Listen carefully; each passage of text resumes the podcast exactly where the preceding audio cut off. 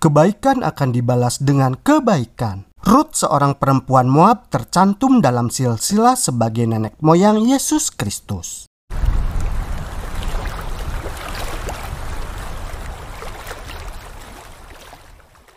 Meskipun kehidupan manusia itu adalah oleh sebab kasih karunia Allah, namun kita dapat melihat bahwa hukum alam tentang apa yang ditanam, maka itu juga yang akan kita tuai, adalah tetap berlaku dalam kehidupan kita di dunia ini.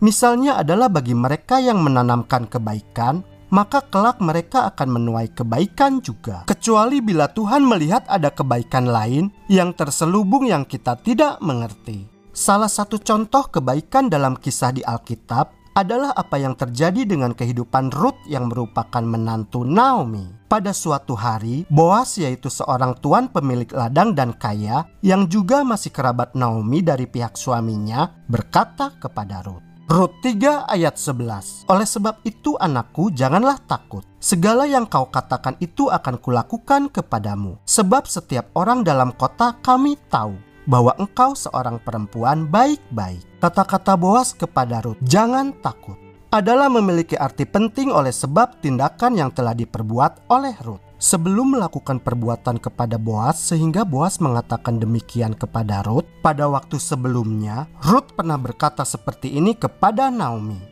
Rut 1 ayat 16 sampai 17. Tetapi kata Rut, janganlah desak aku meninggalkan engkau dan pulang dengan tidak mengikuti engkau, sebab ke mana engkau pergi, ke situ jugalah aku pergi, dan di mana engkau bermalam, di situ jugalah aku bermalam. Bangsamulah bangsaku dan Allahmulah Allahku. Di mana engkau mati, aku pun mati di sana, dan di sanalah aku dikuburkan. Beginilah kiranya Tuhan menghukum aku, bahkan lebih lagi daripada itu. Jikalau sesuatu apa pun memisahkan aku dari engkau selain daripada maut. Tidak mudah bagi seseorang untuk meninggalkan orang tuanya, keluarganya, bangsanya, apalagi Tuhannya. Namun inilah yang dilakukan oleh Ruth seorang wanita Moab yang telah menjadi janda kepada Naomi. Ruth begitu mengasihi Naomi yang adalah orang Israel dan juga sebagai mertuanya. Karena rasa kasihnya itu, sehingga Ruth bersedia mengikuti ke mana Naomi pergi. Naomi ingin kembali pulang ke Israel setelah kematian anaknya yang merupakan suami Ruth. Dalam kehidupan nyata di dunia ini, kita mungkin pernah mendengar banyak kisah pertentangan antara menantu dan mertua, dan banyak menantu yang ingin lepas dari pengaruh mertuanya. Apalagi setelah sang suami sudah meninggal, adat istiadat di zaman itu juga memberikan kebebasan kepada Ruth untuk pergi ke mana saja dia mau dan terbebas dari mertuanya. Namun, karena besarnya rasa kasih Ruth kepada mertuanya, maka Ruth tidak ingin mertuanya tersebut pulang kampung berjalan sendirian dari Moab ke Bethlehem. Ruth tidak ingin mertuanya menderita, sehingga Ruth rela berkorban dengan meninggalkan segalanya untuk pergi ke mana Naomi pergi supaya dirinya dapat tetap melayani Naomi. Jadi kata jangan takut yang diucapkan oleh Boas kepada Ruth adalah merupakan jaminan bahwa kebaikan Ruth tersebut akan menghasilkan panen kebaikan. Ruth bukan hanya mendapatkan gandum untuk dimakan yang diberikan oleh Boas, tetapi Ruth juga mendapatkan jaminan pemeliharaan serta mendapatkan suami. Ruth akhirnya menjadi istri Boas, seorang yang kaya. Namun jauh lebih daripada itu, namanya juga tercantum sebagai salah satu nenek moyang Yesus Kristus juru selamat dunia.